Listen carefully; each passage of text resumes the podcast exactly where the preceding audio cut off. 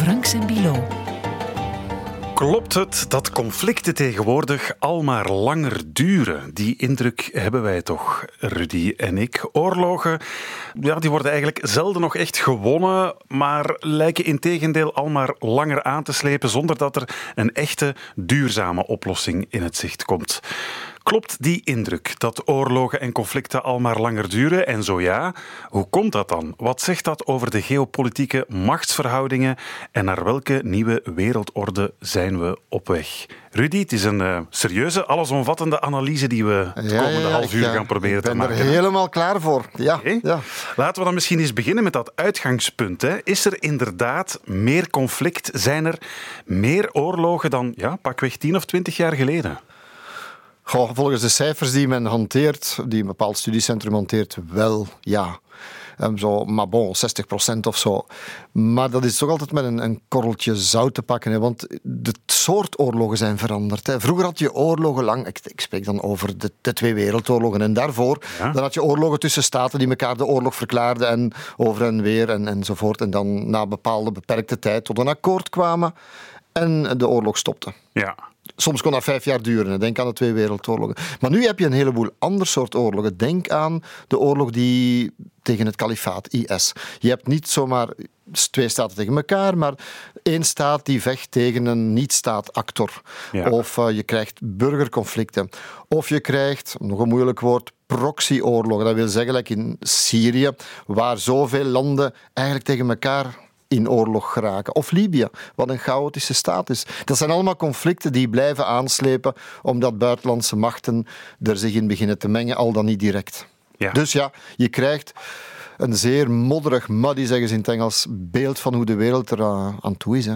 Ja, inderdaad. En er bestaan grafiekjes over. En dan zie je toch, uh, als het gaat over het aantal conflicten wereldwijd, dat er zo vanaf 2008, 2010 toch wel een, een, een sterke toename is van het aantal conflicten. Heeft dat iets te maken met, met uh, de bankencrisis van 2008, vraag ik mij dan af? Hoe, hoe, komt het dat dat sindsdien zo wat aan het toenemen is? Ik vraag me af dat met de bankencrisis, dat, ja, dat lijkt mij weinig waarschijnlijk, hoewel geld heeft er altijd mee te maken, met alles in de wereld. Hè. Ja, tuurlijk. Ja, ja, dat denken we dan. Maar uh, mij lijkt het meer over het, een soort van terugplooien van de VS als enige politieman, het is een, raar woord natuurlijk, wat sommigen niet graag horen, in de wereld.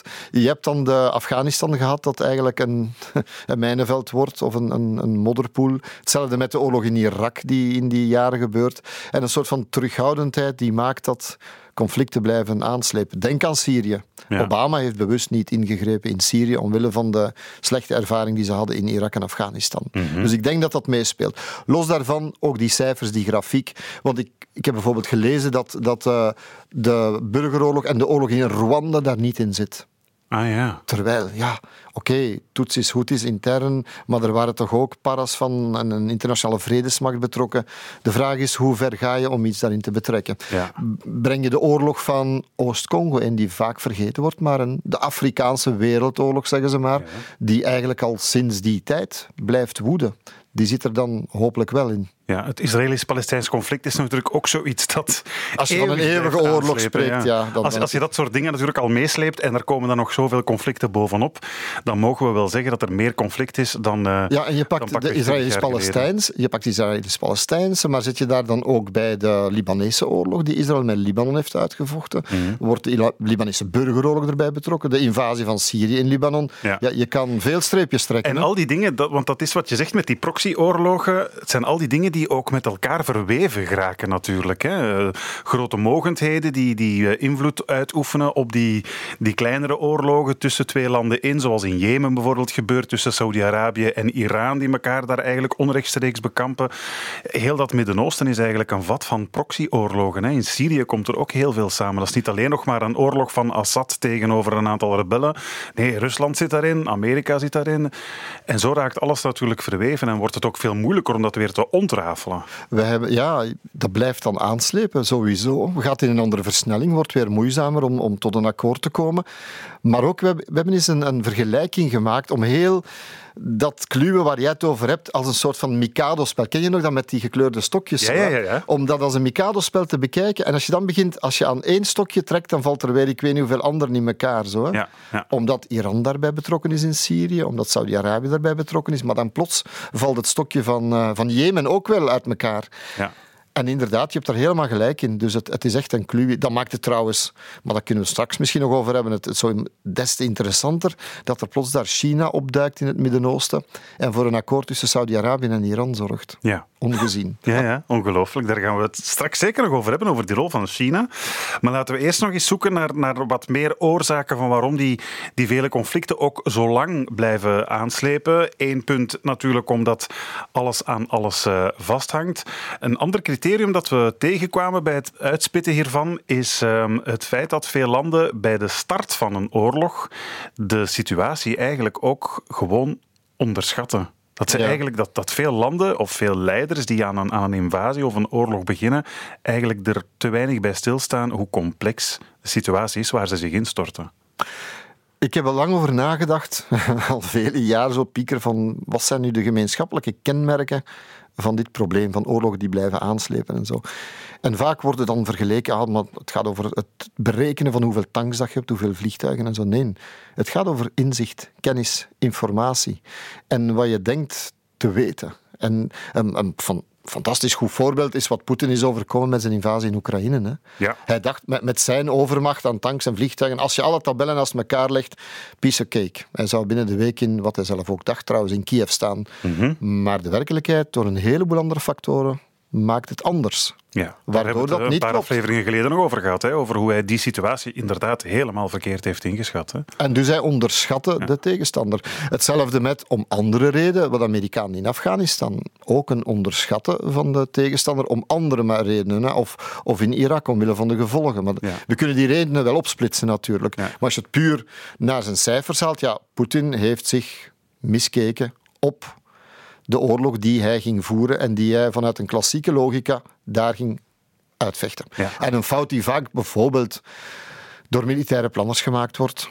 Hoewel het vaak politici ook zijn, hè, want wat, Irak, wat Amerika in Irak is overkomen is de fout van de politici, niet van de militairen geweest. Hè. Maar wat vaak gebeurt is dat men de vorige oorlog uitvecht. hè. Men, men gebruikt het, de, strat, de, de ta- tactiek eigenlijk, niet de strategie, want strategie is op lange termijn. Men gebruikt de tactiek van de vorige oorlog. Maar de oorlog is veranderd. Ja. De middelen zijn veranderd, de technologie is veranderd, de tegenstander is veranderd, het, het terrein is veranderd. Dus ja.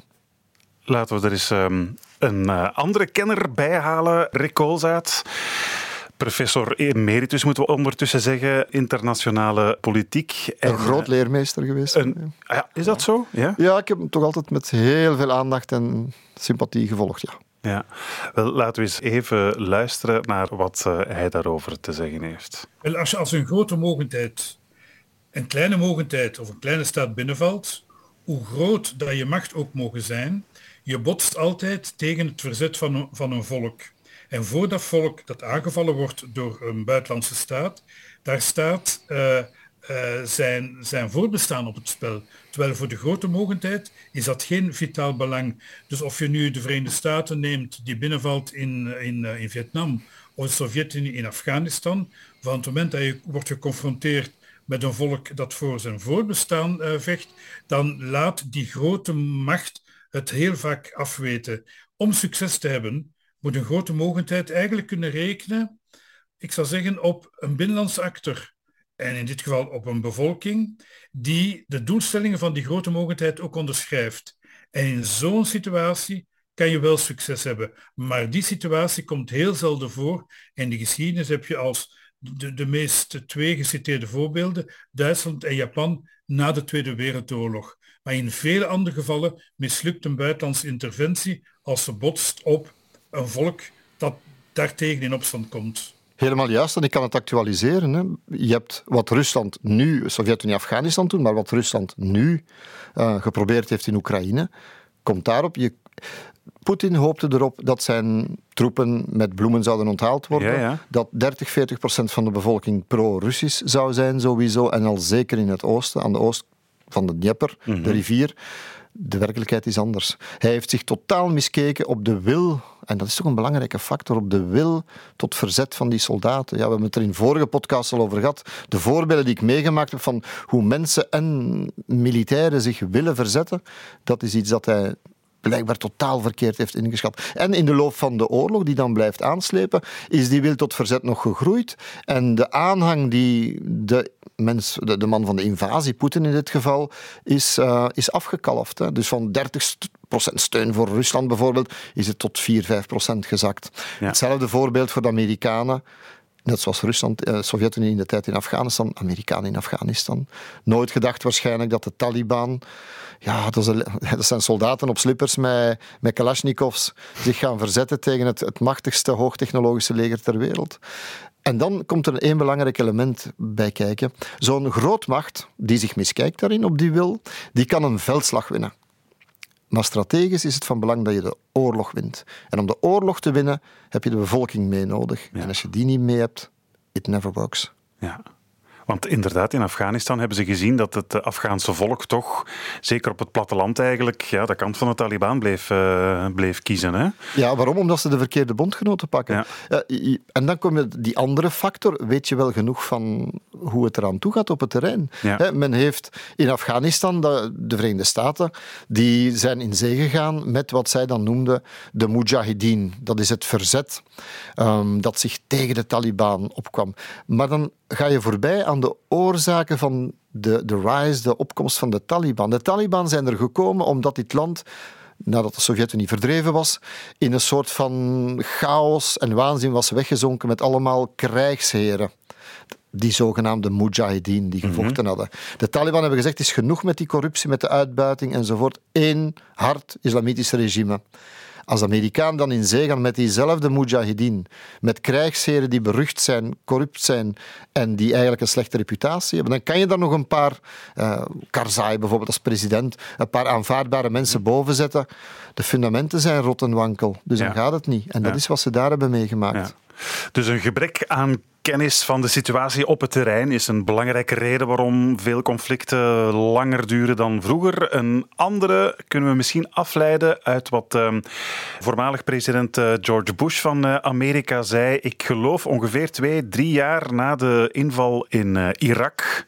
Intussen dus twintig jaar geleden. Wel twee jaar later zei hij daarover dit. We've lost 1,864 members of our armed forces in Operation Iraqi Freedom. And 223 in Operation Enduring Freedom. Each of these men and women left grieving families and loved ones back home. We owe them something.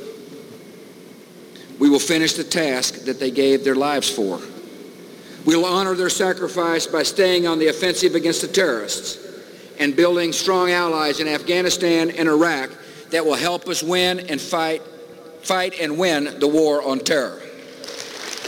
Ja, die meer dan 3000 Amerikanen, zegt hij hier, die hun leven gegeven hebben, die moeten we eren door deze war on terror in Afghanistan en Irak te winnen. Dus eigenlijk, wat we hem hier een beetje horen, horen toegeven, is dat hij het zich niet kan veroorloven om die oorlog stop te zetten voor hij daadwerkelijk echt een, een resultaat in handen heeft. Want anders zou het lijken of al die soldaten voor niks gesneuveld zijn. Dus eigenlijk ook tegenover zijn eigen bevolking kon hij het op dat moment niet maken om die, om die oorlog ja, snel, snel dan maar uh, af te ronden en met de staart tussen de benen weg te lopen, want dan waren die 3000 landgenoten voor niks gesneuveld. Maar dit gaat meer over Bush zelf of eender welke leider in welke oorlog zelf, die eigenlijk dan een soort van gezichtsverlies leidt en het is, niet, zich niet kan permitteren. Maar ik heb zelden, als je het vanuit militair of, of, of tactisch-strategisch oogpunt geopolitiek beschouwt, zo'n holle woorden gehoord. Hè. Het gaat nooit om die 3000, want als je er zoveel meer verliest, dan krijg je een ander mechanisme. Hè. Dan mhm. krijg je het fenomeen van de bodybags.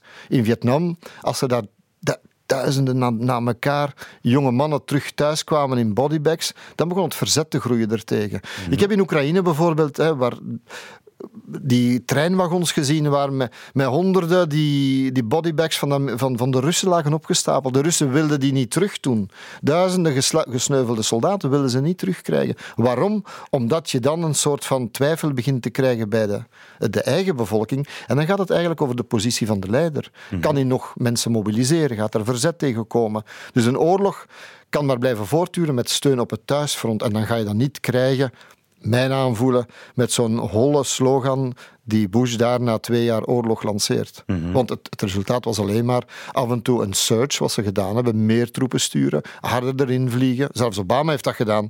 En dan komt het even goed, hè, voor een half jaar, een jaar wat meer onder controle krijgen van de situatie. Maar de fundamentele, de basics, die pak je niet aan. Dus nee, dit is psychologie voor de, de eigen politiek. Ja.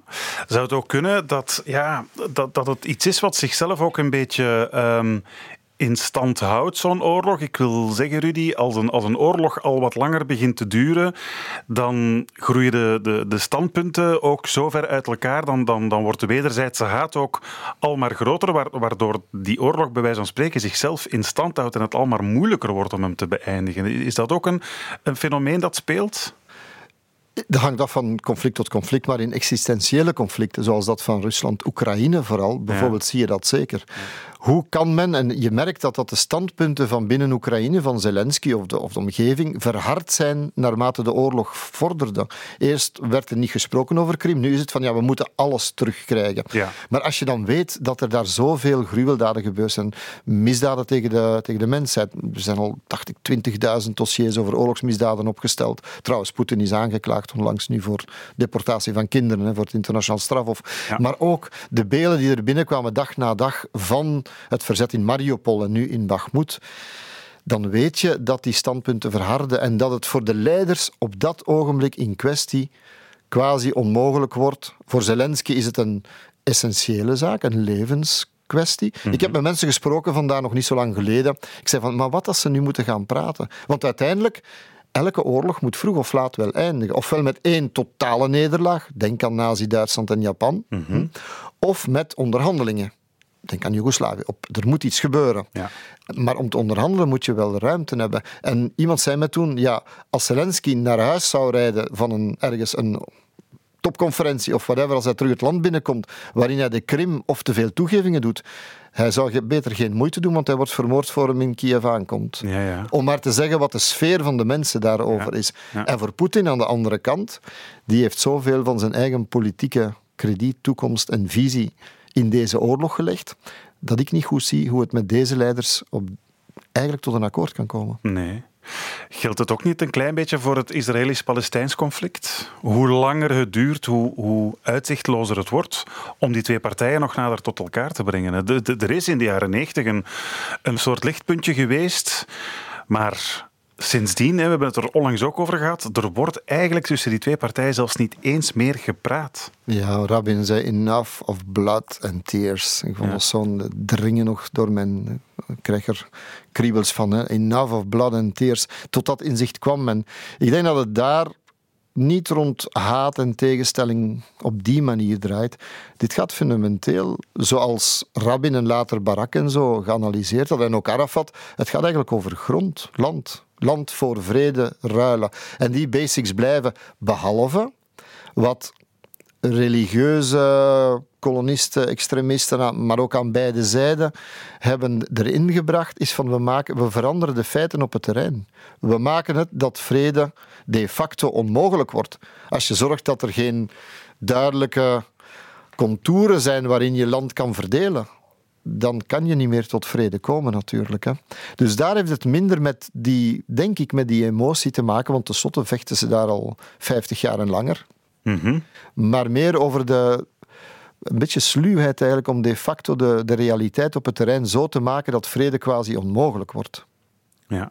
En dat is erger, hè. pas op, dan, dan, dan heb je geen, niks meer om aan, aan vast te houden. Ja.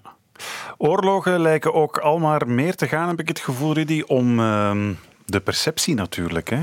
Je zegt het zelf heel vaak, Rudy. Het eerste slachtoffer in een oorlog is uh, de waarheid. Ook daar zie je een informatieoorlog in eigenlijk al die conflicten op dit moment. Hè? Ja. Dat zorgt er misschien ook voor dat ze langer duren, omdat, omdat er constant de leiders bezig zijn met het proberen winnen van, van, van die perceptieoorlog, van die informatieoorlog? Wij hebben een beeld van die oorlog en wij denken, ik ga ervan uit dat wij een min of meer juist beeld krijgen. Wel weliswaar van ene kant van het front, aan de Oekraïnse kant, maar over oorlogsmisdaden, over hoe de strijd verloopt. Terwijl men aan de Russische kant een totaal tegenovergesteld beeld krijgt. Hè wat moeilijk te, te, begrijpen is bijna. Wil dat zeggen dat men het internet compleet controleert? Wil men zeggen dat het alle ja, televisiestations kan je makkelijk controleren, nieuws, nieuws, nieuwsverspreiding en zo. Maar dit is toch vreemd dat je een heel stuk van de wereld op die manier kan afsnijden en dat het werkt. Mhm. Terwijl het in Iran bijvoorbeeld niet meer werkt, hè, waar die meisjes wel vinden en weten intussen, ondanks de controle van Iran op het internet. Mm dat, is toch iets, iets vreemds mee aan de gang. Ja. We hebben nu een aantal, ja, een aantal factoren opgesomd die, die, die ervoor zorgen dat er meer conflicten zijn, ze ook langer duren. Maar laten we misschien eens een beetje uitzoomen en eens kijken wat dat nu zegt over het, over het grotere geopolitieke plaatje, over de, de verhoudingen tussen de, de verschillende machtsblokken. Eén ja, toch wel opvallende vaststelling die je kunt doen, is dat bijvoorbeeld de Verenigde Staten na de Tweede Wereldoorlog ongeveer elk conflict, elke oorlog waarin ze verwikkeld zijn geraakt of die ze zelf zijn begonnen, heeft verloren of met de staart tussen de benen is moeten ja, terugtrekken eigenlijk. Van, van, van de Vietnamoorlog tot Irak en Afghanistan. Ze hebben er eigenlijk geen enkele tot een, tot een goed bevredigend einde kunnen brengen voor hen dan toch. Dat is toch een opvallende vaststelling. Het machtige Amerika. Wel, mag ik dat tegenspreken? Denk ik nu plots. Eentje wel. De Koude Oorlog. Ja. Die hebben ze, ja, maar die hebben ze gewonnen. Ja, dat is wel waar. Omdat dat voor hen een, een, existentiële oorlog was. Die over hun systeem tegenover dat van de Sovjet-Unie was. Terwijl die andere oorlogen, het werd verkocht als een existentiële oorlog. Het was als we Vietnam, dat was zo de, de, de domino-theorie. Als Vietnam valt, dan valt Cambodja, dan valt... Uiteindelijk zou alles vallen tot aan de grens van Mexico, bij manier van spreken. het zou allemaal communistisch worden. Het zou allemaal communistisch worden. met Cuba er dan bij en zo. Terwijl achteraf bleek dat dat ook een, eigenlijk niet klopte hol was. Vandaar dat was geen existentiële oorlog. Hetzelfde voor uh, de, de war on terror van Bush, waar je het dan over had nog weer, mhm. hè, zo pas. Ehm, ja, dat ging dan van Afghanistan via Irak tot... Maar dan blijkt dat het toch niet klopt. Ik bedoel, het is geen, het is wel een, je kan een oorlog tegen de terreur op een andere manier voeren dan dat je daar het een na het andere land in het Midden-Oosten moet binnenvallen om te proberen verandering teweeg te brengen. Ja. Ja, dus eigenlijk is het omdat het geen existentiële oorlogen zijn, denk ik, dat ze die verliezen. En dat je op termijn dat soort oorlog niet kan winnen als je de hearts en de minds van de bevolking niet mee hebt. Zowel in Afghanistan als in Irak, ja. als in, ja, eigenlijk in Vietnam. En dan denk ik opnieuw aan een, een zin die ik altijd onthouden heb, die voor mij een eye-opener was. Ja, als je me zult horen. dat is Armitage, dat was de onderminister die verantwoordelijk was voor de oorlog in Afghanistan binnenvallen. Hij zei zoveel jaar later, bijna twintig jaar later tegen mij, toen ik hem sprak, van we, we make one fundamental mistake in Amerika, in, bij de Verenigde Staten. We always look to the world through our glasses, never through their glasses. Mm door onze bril, nooit door hun bril. En zo komen we telkens opnieuw in dezelfde shit terecht. Ja. Je verwees net naar de, de Koude Oorlog. Is een einde aangekomen na de, de val van de muur. 91, uh, eh, de, het einde van de Sovjet-Unie. Toen werd, we hebben hem ook al vaak geciteerd, uh, hoe heet hij, de historicus uh, Fukuyama zeker? Ja, ja, Toen werd gezegd, Fukuyama, ja. dit is de, het einde van de geschiedenis. Hè. Er, er, bestaan geen machtsblokken meer. We leven in één grote, uh, bijna harmonieuze wereld. Ja, daarvan zijn we ondertussen ook wel teruggekomen. Dat, dat weten de, we dat De eerste oorveeg die hij kreeg was, toen in die tijd waren er twee scholen. Je hebt altijd zo precies in internationale politiek twee scholen. Rico, dat spreekt mij tegen, maar bon. In de jaren zestig had je de realisten, had je Raymond Aron tegen de idealisten van Sartre. Toen had je Fukuyama, het einde van de geschiedenis. Het liberale, westerse, democratische model, onstuitbaar. Tegenover toen Huntington, misschien dat de naam nog iets zegt, die eigenlijk zo zei van nee, nee, er komen nieuwe breuklijnen, etnisch-religieus. Ja. En hij paste dat toe op de Joegoslavië. Dus dat was een oorveeg van je welste voor, uh, voor Fukuyama, want toen bleek al dat Joegoslavië op die, volgens die breuklijnen uiteen zou vallen. Dus dat ja, die idee van het, de ene wereldmacht die het wint. Bovendien, als die wereldmacht zich dan nog gaat verliezen in oorlogen in Somalië, om, die ze beginnen om humanitaire redenen, maar het toch ook niet kunnen winnen, want binnen de kortste keren vertrekken ze als uh, Black Hawk Down, als ze een aantal soldaten verliezen. Idem dito in Afghanistan en dan in Irak. Eigenlijk hebben ze zich uitgeput in, ja, in oorlogen die eigenlijk niet existentieel zijn. Ze hebben de lessen van de, als ik mag zeggen, de realisten van ten tijde van de Koude Oorlog. Ze hebben de lessen zich niet ter harte genomen. Ze zijn op een vreemde, via de neoconservatieven die dat heet rond Bush, hebben ze zich eigenlijk uitgeput. Er is um, na de val van de Sovjet-Unie ook een beetje van uitgegaan, hè, zoals Fukuyama dan ook zei, dat, dat ons westers democratisch systeem hè, door zijn economisch succes vanzelf wel navolging zou krijgen door niet-westerse landen. Dat, dat, al die andere landen, de Sovjet-Unie en China, allemaal wel, wel zouden volgen in dat kapitalistische systeem.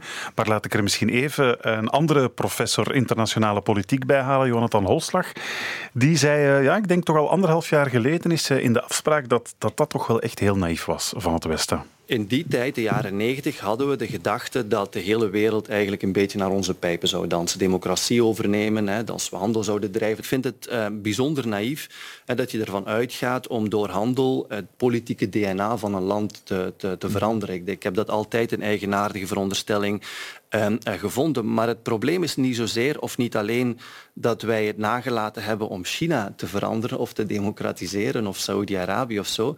Het probleem is nu dat we die landen zodanig sterk hebben gemaakt dat zij van buitenuit een stukje ons model beginnen te, te ondermijnen of althans een situatie bewerkstelligen die heel veel burgers uh, aanzet om, om, om vragen te stellen bij de wenselijkheid uh, en de haalbaarheid van, van, van waar we voor staan. Wat hij eigenlijk zegt is, het Westen heeft zijn eigen vijanden groot gemaakt. Ja, of gewoon niet de juiste, het juiste strijdtoneel voor die, voor die oorlog bekeken. Als je bekijkt realistisch hoe dat wereldpolitiek eraan toe gaat. Het gaat om belangen en hoe je het strijdt voor je eigen belangen. Bijvoorbeeld Poetin, Oekraïne. Voor Poetin was, als je zijn speech leest en, en zo analyses die er gemaakt zijn, was de grootste tragedie van vorige eeuw het uiteenvallen van de Sovjet-Unie. Bon, wij denken dan het einde van de geschiedenis, Fukuyama. Mm Wat blijkt? Hij blijft die grunge, die wrok koesteren en wil dat beginnen rechtzetten, wat hij doet. Wij denken dan, in die visie, we gaan via handel, hoe noemen de Duitsers dat? Wandel door handel, of, of allee, ik, mijn Duits is, is uh, onbestaande, zullen we maar zeggen. Maar dan dat je door handel te drijven en door business eigenlijk aardgas en alle contracten, de Oostpolitiek van in de tijd Duitsland voor de hereniging, daar heeft dat gewerkt, maar niet op deze manier. Wat je nu ziet met de oorlog in Oekraïne, is het totale failliet van die politiek. Namelijk, ja, dit, dit heeft niet gewerkt, we zijn naïef geweest. Dus krijg je weer een heel andere wereld. Dus het klopt niet. Dus eigenlijk hebben ze ja, maar dat, ja, dat, dat, lees ik dan inderdaad ook in analyses. Hè. Dus dat, dat, we, dat we Rusland rijk hebben gemaakt door er massaal gas van te kopen. Dat we China rijk hebben gemaakt uh, als, als een lage lowland waar onze industrie naar meer zelfs, is. Meer zelfs wat hij zegt, dat ze ons beginnen aantasten. Als ik nu lees dat er zo... Ja, er worden zo die statistieken vrijgegeven dat er het aantal mensen op de planeet miljarden inwoners van de planeet Aarde, die onder autoritaire regimes leven, veel en veel groter is dan die onder een democratisch regime. Ja. Dus dat bewijst gewoon met cijfers dat Fukuyama ongelijk had, of dat het sowieso achteruit gegaan is. hoeveel was het? Misschien amper miljard en zoveel die onder een soort van democratie, zoals wij dat model zien, mm daaronder leven. Terwijl anderen meer dat van China overnemen. Ja. Uiteindelijk. Ja, ja. Want ze hebben ons niet meer nodig. Ze, ze, een dictator in, in, in, Frank, eh, in Afrika, die, daar, die heeft ons niet meer nodig om zijn zaken te doen. Hè. China gaat naar daar, koopt de zaken op die ze willen opkopen. Of de Wagnergroep van Rusland, hè, die komt steun geven in ruil voor een goudmijn of een diamantmijn. Ja. Dus waarom zouden ze ons model volgen? Ja, en je zegt, wij hebben China niet nodig, maar ze zijn ons wel in toenemende mate afhankelijk aan het maken. Hè? Want ik, ik las een, een, een hallucinant getal dat, dat uh, China de voorbije jaren, wat, wat was het, 1,3 biljoen dollar heeft geïnvesteerd in het Eurasiatische continent. Dus 1,3 biljoen dollar, dat is een miljoen maal een miljoen.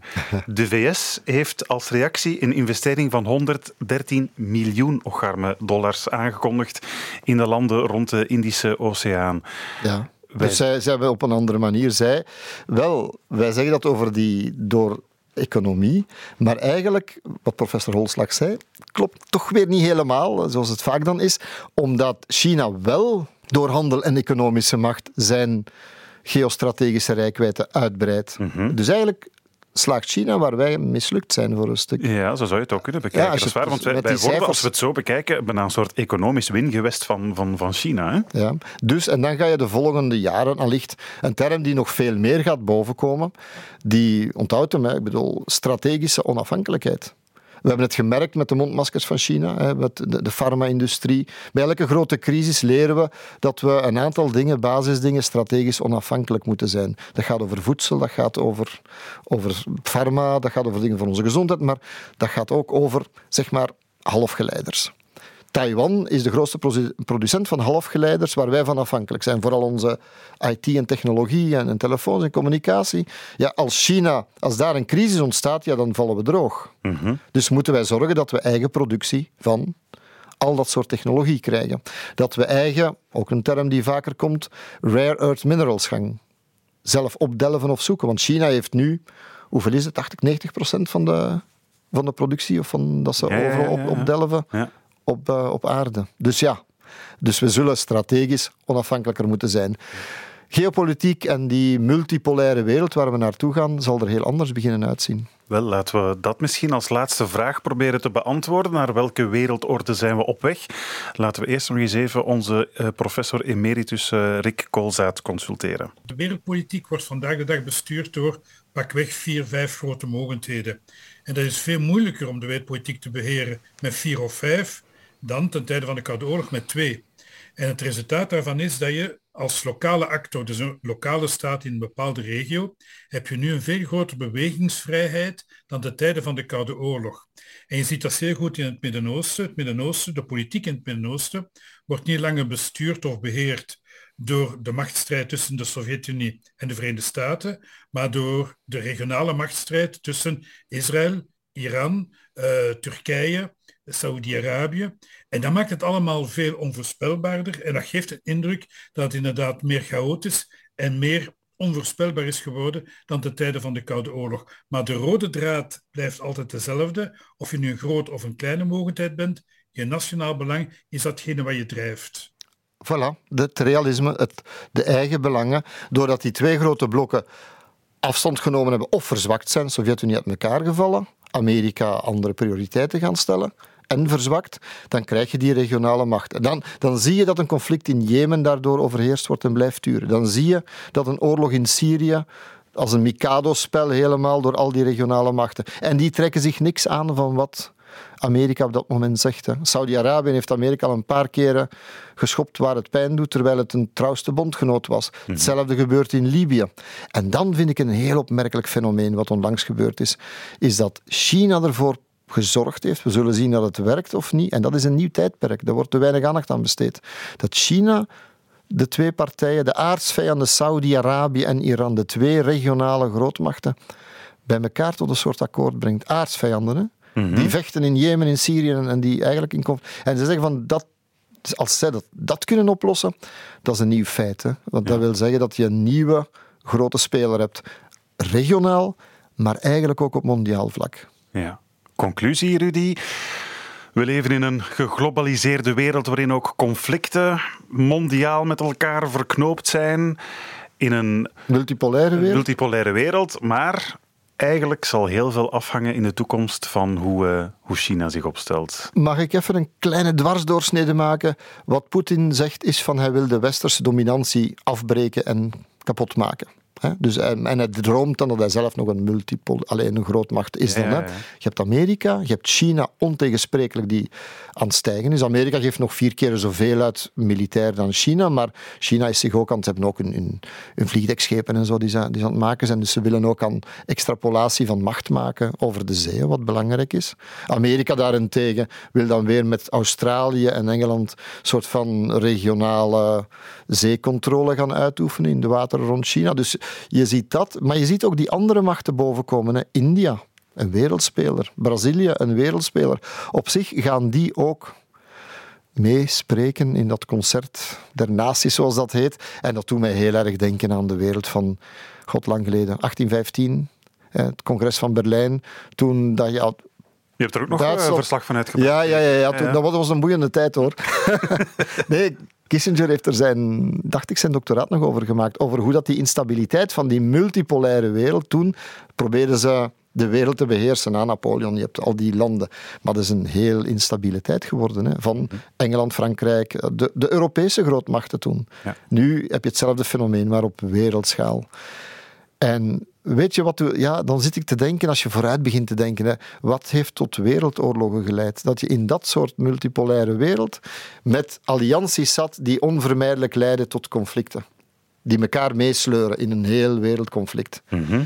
En dan moeten we met argusogen kijken naar als Poetin Xi Jinping ontmoet. En als die bijvoorbeeld tot een groot blok samen gaan werken, nou, in een oorlog in Oekraïne, ja, dat, dat, dat is op de rand zitten hè, van, van, van een, een groter conflict, maar ook van een nieuwe bipolaire wereld. Mhm. Van oost tegen west. Het zijn boeiende tijden en ik heb het gevoel, Rudy, dat we in deze podcast nog heel veel te vertellen gaan hebben de komende weken, maanden, jaren misschien. Who knows? Wie weet. In ieder geval, dit was hem voor uh, deze aflevering. En de volgende, dat is voor over een week of twee. Oké, okay, ciao ciao. Tot dan. Franks en Bilo.